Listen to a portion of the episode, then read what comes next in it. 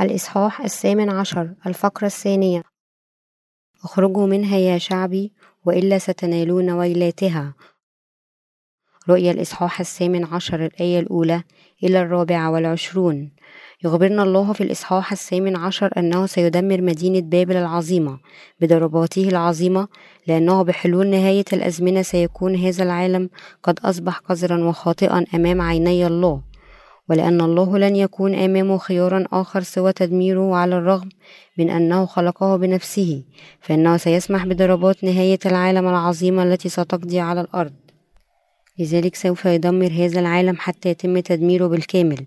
السبب الحقيقي وراء تدمير الله للعالم هو أنه كان سيرى دماء أنبيائه وقديسيه ولأن هذا العالم ارتكب الكثير من الخطايا العظيمة مع كل الأشياء التي أعطاها له الله فقد أصبح قذرا جدا بحيث لا يتحمله الله. أجمل كوكب خلقه الله هو كوكب الأرض لأن الله نفسه عمل على هذه الأرض باهتمام شديد ولأنه أيضا المكان الذي تحققت فيه خطط الله وعمله لخلاص الخطاة بيسوع المسيح. ومع ذلك فقد خطط الله بالفعل لكيفية تدمير هذا العالم وكيف سيجعل ملكوت المسيح يأتي؟ عندما يمتلئ هذا العالم بكل أنواع القذارة سوف يدمره الله من خلال ملائكته بضربات الجامات السبع. ثم يجدد كل الأشياء ويملك قديسينه في عالمه الجديد مدينة بابل المنهارة. لقد زنى ملوك الأرض بأشياء العالم وعاشوا في ترفها بينما فقد كل التجار المشغولين جدا. ببيع وشراء كل ما أعطاهم الله إياهم. الله نفسه في سعيهم وراء الجشع سيدمر الله كل شيء. المباني والأديان والبضائع الموجودة في الدين والأشخاص الذين أثروا أنفسهم بالدين والملوك والسياسيين والأشخاص الموهوسين بالممتلكات المادية وغير ذلك. كل هؤلاء سوف يسقطهم الله. سوف يهدم الله كل مبنى على هذه الأرض ولن يترك أي بناية قائمة ويدمر الأشياء من الناس للغابات والأشجار بناره عندما يسقط كل شيء في هذا العالم. سوف يندب الناس ويبكون على وجه الخصوص. سيحرص الله على القضاء على أولئك الذين أثروا أنفسهم من خلال الدين من المهم.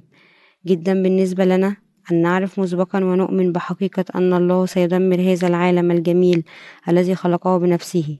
في هذا الوقت سيسمح الله للقديسين المولودين من جديد والذين شاركوا في قيامة يسوع الأولى أن يحكموا على هذه الأرض لألف سنة مع ملكوت الرب. سيعوض القديسين على خدمة إنجيل الماء والروح واستشهادهم للدفاع عن إيمانهم على هذه الأرض.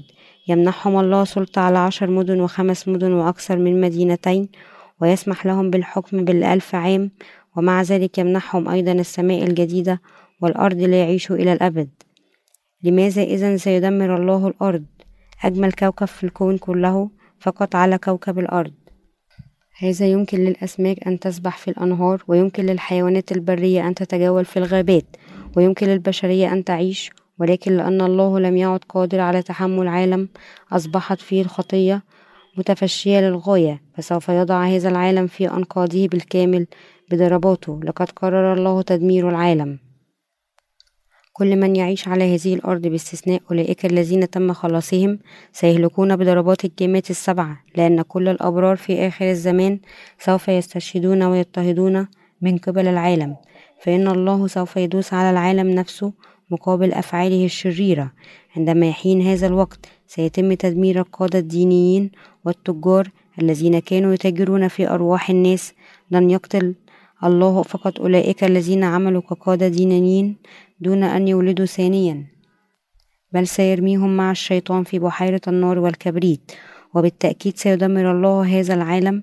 نحن ندرك كثيرا ونؤمن بما لا يدعي مجالا للشك أن هذا العالم يجب تدميره. سيقتل الله كل التجار الذين يفتخرون بكل أنواع الأشياء العظيمة ويتاجرون في أرواح الناس بدينهم. ومع ذلك حتى وإن كانت ضربات الله وشيكة جدا لا يزال الناس متغطرسين في ثقتهم. فقد ألقي نظرة على القادة الدينيين على هذه الأرض. أليسوا جميعا متكبرين كأنهم يفعلون الصواب أمام الله؟ هل يوافق الله حقا على ما يفعله هؤلاء؟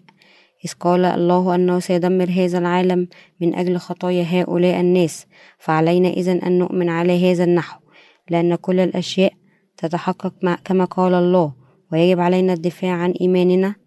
أنا لا أقول هذا كواحد من قادة الطوائف الذين يشكلون عقائدهم الصغيرة ويتحدثون عن نهاية العالم القادمة. لكني أقول هذا لأنني يجب أن أؤمن بما قاله لنا الله في الكتاب المقدس أي من المؤكد أن الله الحي سوف يدمر هذا العالم بالضربات العظيمة للأوعية السبعة. يجب ألا ننغمس في هذا العالم الذي يتم تدميره قريبا. وعلى هذا النحو يجب ألا نكون مهووسين بتراكم الملكية المادية لهذا العالم الذي سيتم تدميره قريبا. يجب أن نكتفي بما أعطانا الله وأن نستخدمها ونشاركها كما يشاء الله. الأشياء المادية في العالم مطلوبة لخدمة الله. يجب أن نحيا كخدام أمناء يديرون ما أعطاهم الله من أجل الكرازة بالإنجيل. يجب ألا نتشابك مع الأشياء المادية للعالم لأننا نؤمن بأن الله سيدمر هذا العالم. يجب ألا نخدع أنفسنا بالاعتقاد بأن ثروة هذا العالم وقيمته ستدوم إلى الأبد. مع العلم أن الله سوف يدوس على جميع القادة الدينيين وأتباعهم يجب أن نعيش في انتظار يوم عودة الرب. إذا لم يكن الأمر كذلك فسوف ينتهي بنا الأمر إلى السقوط في العالم. عالم سيتم تدميره قريبا على هذا النحو. الله حي في هذه اللحظة بالذات وعندما يحين الوقت سيحقق كل ما قاله في حين أنه من الصحيح أنه حتى بين المولودين من جديد هناك أولئك الذين لم ينضج إيمانهم بعد. يجب أن نؤمن جميعا دون أدنى شك ويجب أن نكون جميعا مستيقظين مرة أخرى. يجب ألا نفقد قلوبنا أبدا في هذا العالم الذي سيتم تدميره قريبا. ولكن بدلا من أن نعيش حياتنا من خلال وضع إيماننا الثابت والراسخ في كلمة الله قد تضعف قلوبنا أحيانا لكن لا يزال يتعين علينا العيش بإيمان قوي. إن قيام الله بهذه الأشياء لهذا العالم هو أمر رائع. بالنسبة لنا لو لم يهلك الله هذا العالم ويبني مملكة المسيح الجديدة مكانه. إذا ظل غير المؤمنين في غطرستهم ومع ذلك يعيشون بشكل جيد في سعادة أثناء وجودهم على هذه الأرض. وحتى يدخلون السماء معنا بعد ذلك سيكون من الظلم لنا أن الله لن يسمح بحدوث ذلك أبدا. إن وعد الله بأنه سيدين ويهلك كل من يضطهد الأبرار ويعذبهم بأكاذيبهم ويسفك دماء القديسين هو فقط عادل وصحيح. إذا لم يكن هناك دينونة من الله للخطاة في هذا العالم أفلا يكون ذلك ظلما جدا للأبرار الذين عاشوا حياتهم كلها من أجل الرب في مثابرة على الرغم من مواجهة جميع أنواع المشاكل والصعوبات. لذلك فمن الصواب أن الله سيدين هذا العالم. عندما يصبح هذا العالم مثل عالم عصر نوح فإن الله بالتأكيد سيقلب العالم كله رأسا على عقب ويدمره.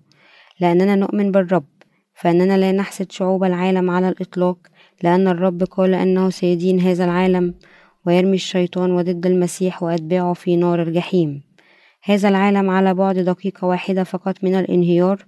كل هذا وفقا لنبوات كلمة الله.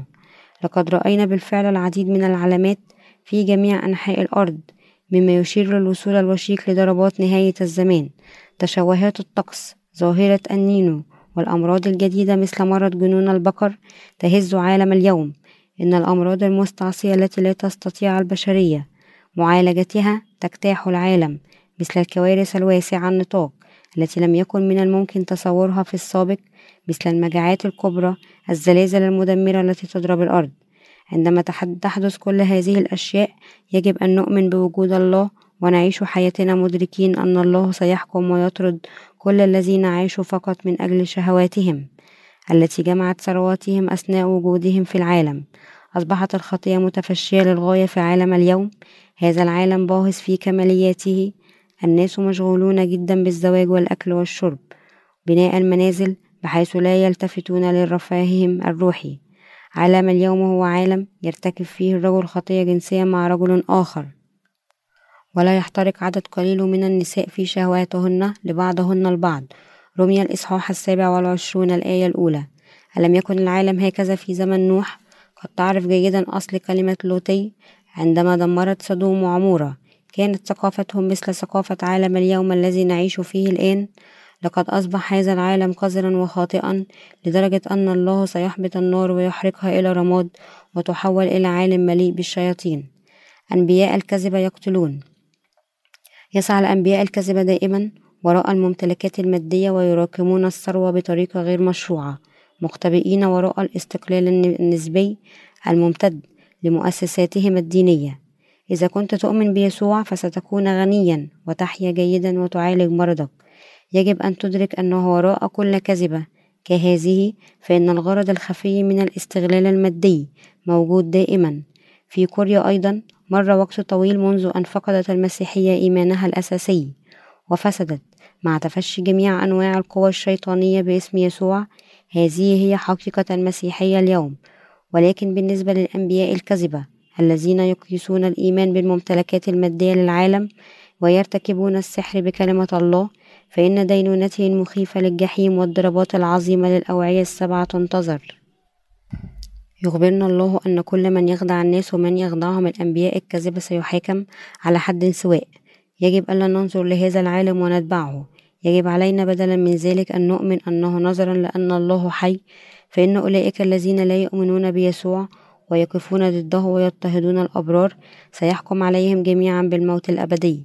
ويجب علينا أن نؤمن أنه بعد أن ندين العالم بهذه الطريقة سيكافئ الله بكل تأكيد القديسين على كل معاناتهم وألمهم الذي ولد من أجل اسم المسيح.